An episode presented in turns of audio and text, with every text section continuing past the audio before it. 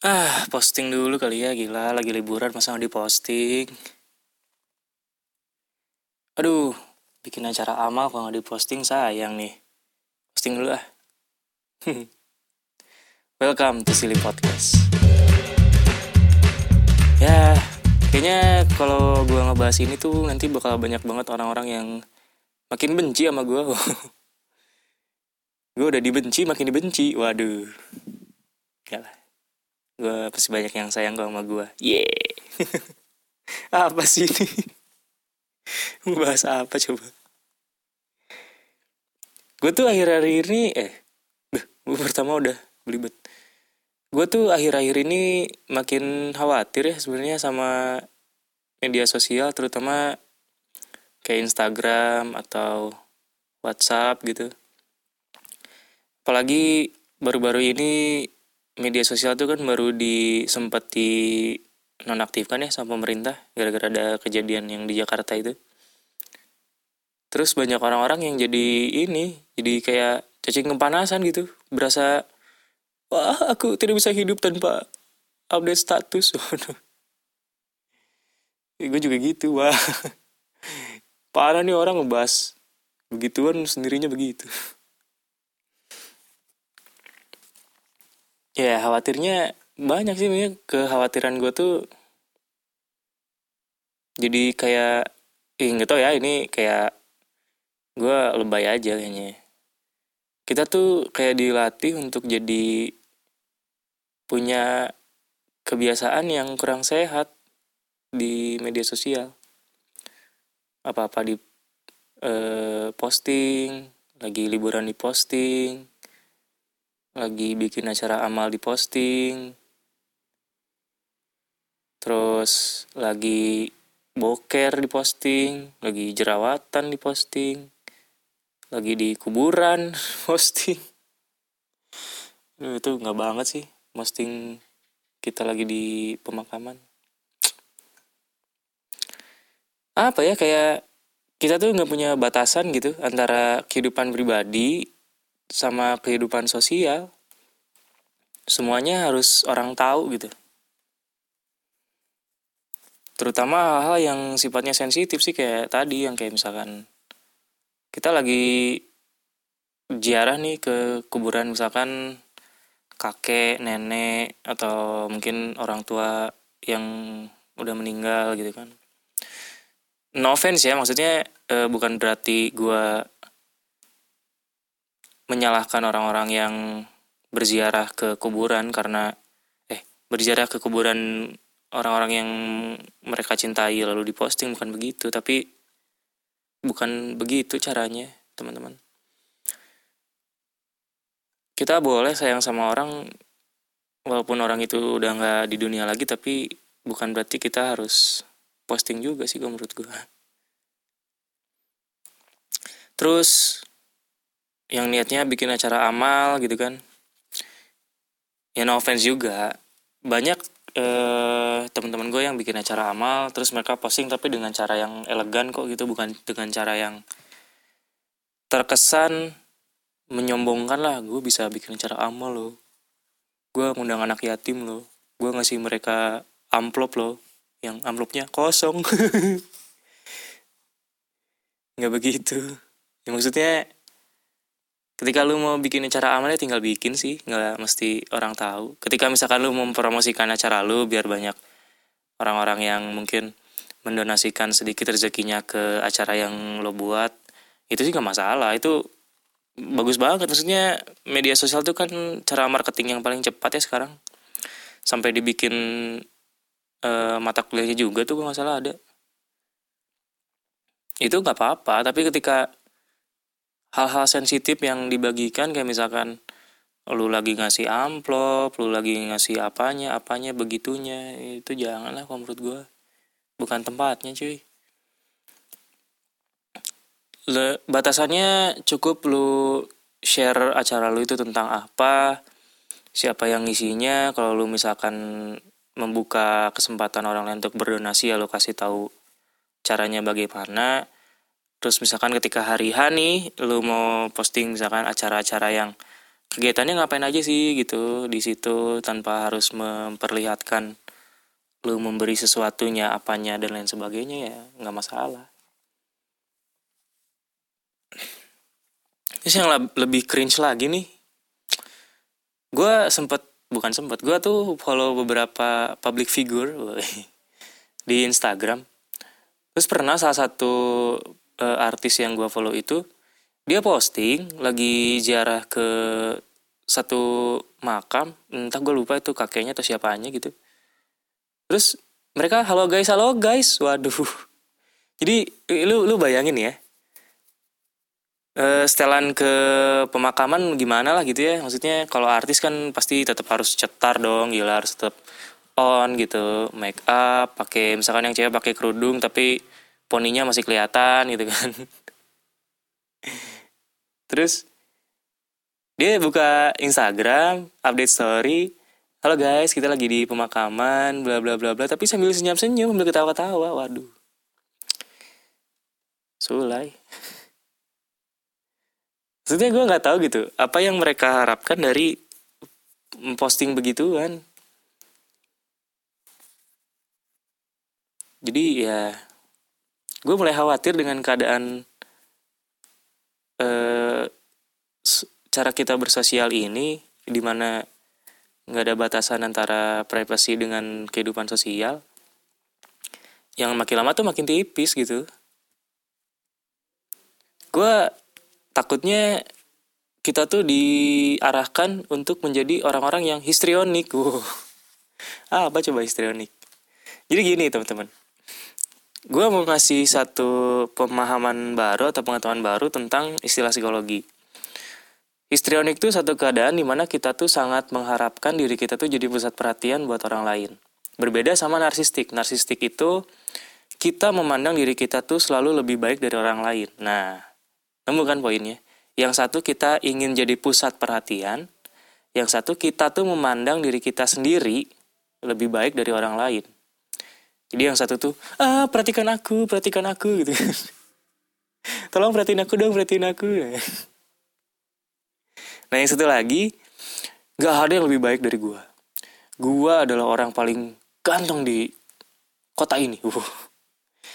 kayaknya kalau ibarat kalau dianalogikan ke toko atau karakter film kayaknya ini kali ya. Kalau narsistik tuh mirip sama Tony Stark kali jadi ya gitu kan sifatnya narsistik. Gue hebat gue jago gue yang bisa memecahkan ini gue yang bisa melakukan ini begitu. Itu narsistik. Kalau histrionik tuh ya tadi dia berusaha bagaimana caranya biar dia jadi pusat perhatian apa pun caranya. Nah jadi poin gue di sosial media kita tuh gue takutnya jadi kita diarahkan ke situ. Yang apa apa kita harus posting kita tak uh, kita apa-apa harus orang lain tahu gitu kan.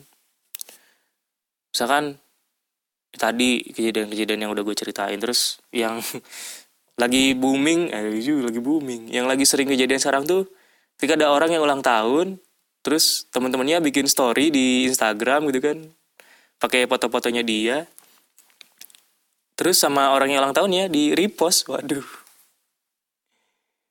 kesannya tuh kayak wah aku banyak orang yang ngucapin gitu kan. Padahal belum tentu orang yang ngucapinnya itu benar-benar orang yang tahu dia luar dalam. Gue ini banget ya sentimen banget kayaknya. Tapi enggak serius maksudnya menurut pemikiran gue pribadi agak apa ya itu bukan hal yang harus dibesar-besarkan gitu men. Ulang tahun itu adalah uh, satu momen di mana sebenarnya umur kita berkurang loh. Terus kita rayakan wah aku umurku berkurang satu tahun ye uh, berapa tahun lagi aku akan mati.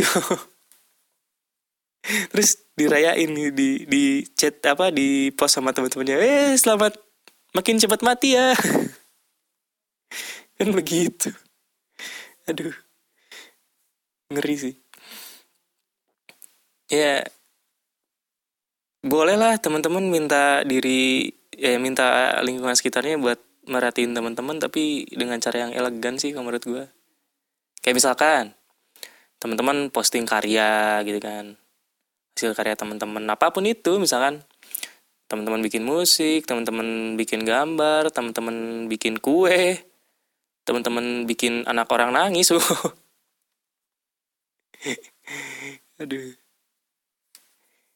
ya intinya bikin karya lah gitu. Jangan yang aneh-aneh. Lagi di kuburan posting. Halo guys halo guys. Terus oh iya yang lebih aneh tuh itu kan waktu itu sempat ada kasus di mana udah, udah agak lama sih ini kayaknya tahun lalu gitu ya. Ada salah satu tiktokers gue ini mulai detik ini pasti kalian mengira gue wah si Isa tukang nonton tiktok alay lu. Gue pada prinsipnya suka mencoba semua aplikasi baru men. Ketika ada yang gak cocok ya gue uninstall salah satunya TikTok.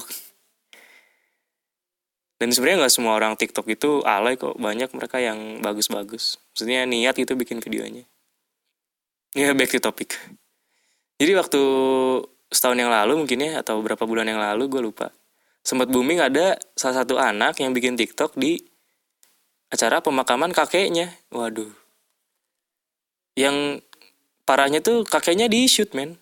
Uh, maksudnya almarhum kakeknya jasad kakeknya itu di shoot ini otaknya di mana sih? Ini nggak pernah diajarin apa yang orang tuanya ya? Ini lu bayangin ya itu lagi suasana berduka lagi suasana lu kehilangan salah satu orang yang lu sayang. Terus dia buka hp joget-joget lipsing lipsing di depan jasad kakeknya. Waduh. Gimana ini? Keadaan psikisnya bagaimana? Aduh. Dia tidak bisa membedakan situasi di mana dia bisa bikin TikTok dan tidak gitu. Gue takutnya nih pas dia lagi misalkan lagi UN dia bikin TikTok terus lagunya ini lagu lu cinta Luna. Waduh. Itu gimana pengawasnya nggak geleng-geleng? Terus WA-nya nggak diisi. Gara-gara dia balesin komen-komen. Waduh. Bahaya gitu. Ya banyak lah teman-teman cara beretika eh beretika etika di sosial media yang harusnya kita tahu sih. Nggak semua hal-hal pribadi kita tuh bisa kita posting gitu di Instagram atau di Twitter atau di mana pun lah gitu sosial media. E, banyak yang jatuhnya tuh jadi cringe gitu jadi menjijikan.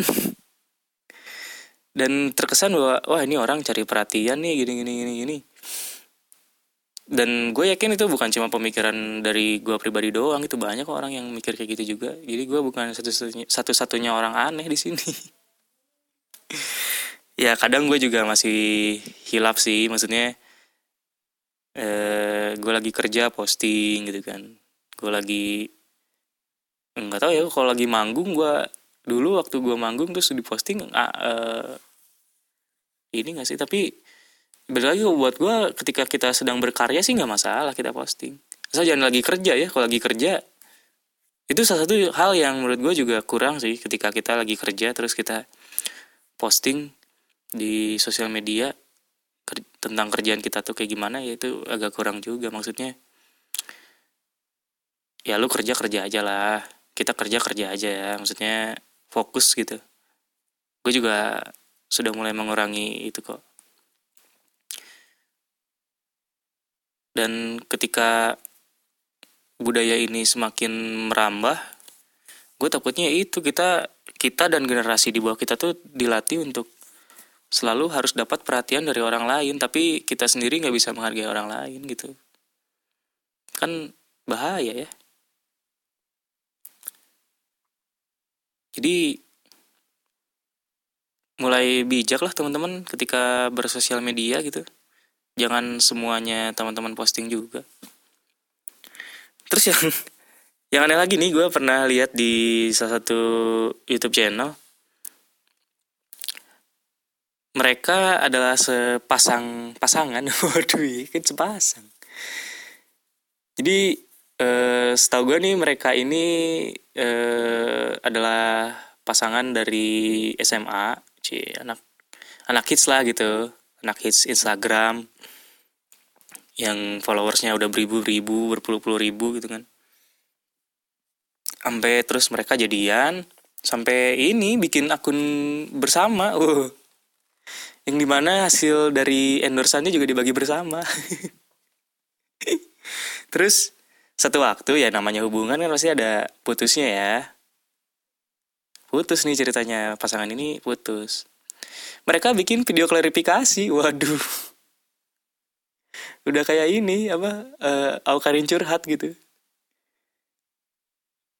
jadi apa sih yang dikejarnya gitu? Apakah mereka mengejar wah kasihan ya kalian putus gini gini gini gini. Buat gue sih itu bukan satu ya sesuatu yang harusnya dipublikasikan.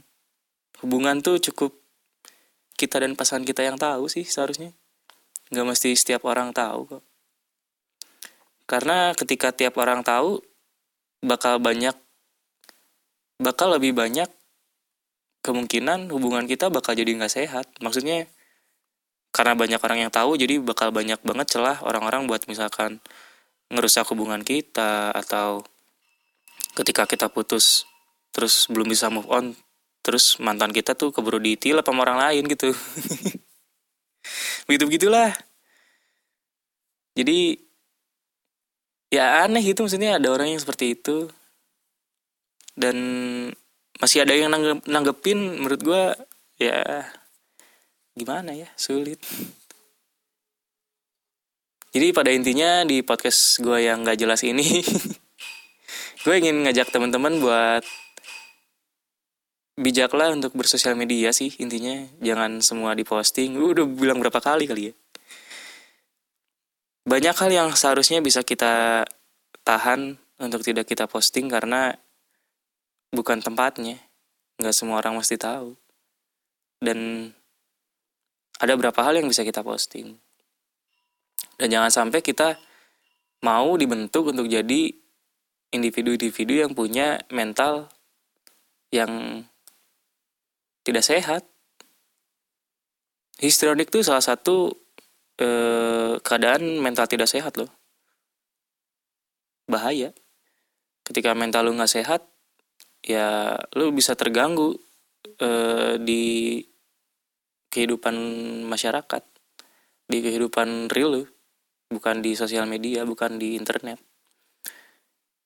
Jadi kita sama-sama belajar aja sih intinya buat bisa bijak menggunakan sosial media. Karena terkadang sesuatu yang modern itu tidak selalu bagus dan sesuatu yang jadul itu tidak selalu jelek. Ya kurang lebih begitu yang bisa saya sampaikan. Waduh. Kayak ini ya yang lagi ceramah.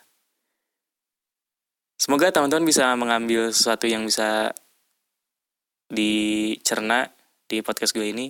Dan I'm out